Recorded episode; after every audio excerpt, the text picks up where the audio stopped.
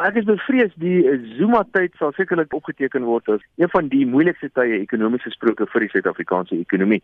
Dit beteken nie natuurlik dat alles net goed gegaan het voor Zuma daar aangekom het nie, maar mense het ook miskien redelik wees en sê dat toe hy oorgeneem het, het dit plaasgevind of sy oorneem oorname het plaasgevind in tye van 'n wêreldwye finansiële krisis en ook in tye van 'n ineenstorting van hulpbronpryse wat natuurlik Suid-Afrika se belangrikste uitvoerproduk is.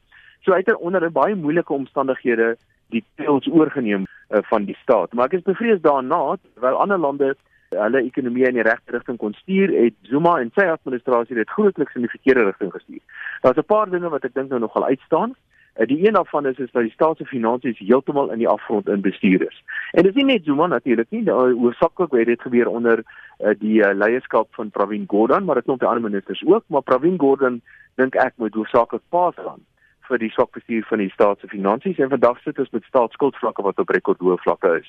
Was daar ander goed wat jou opgeval het? 'n Klompie ander goeders dink ek waarvan Zuma uh, persoonlik miskien aanspreek gehou kan word is goed soos byvoorbeeld uh, staatskaping en wat daarmee gepaard gaan. Ek verwys veral na die staatsbeheerde instellings soos Eskom wat reusagtige groot skade aan die Suid-Afrikaanse ekonomie aangerig is en verangerig het en daar's 'n klompie ander ook soos byvoorbeeld die Suid-Afrikaanse lugdiens en Prasa en omtrent al die staatsbeheerde instellings vandag is want dit is finansiëel beswaarlik in 'n posisie om self op hulle eie bene te staan.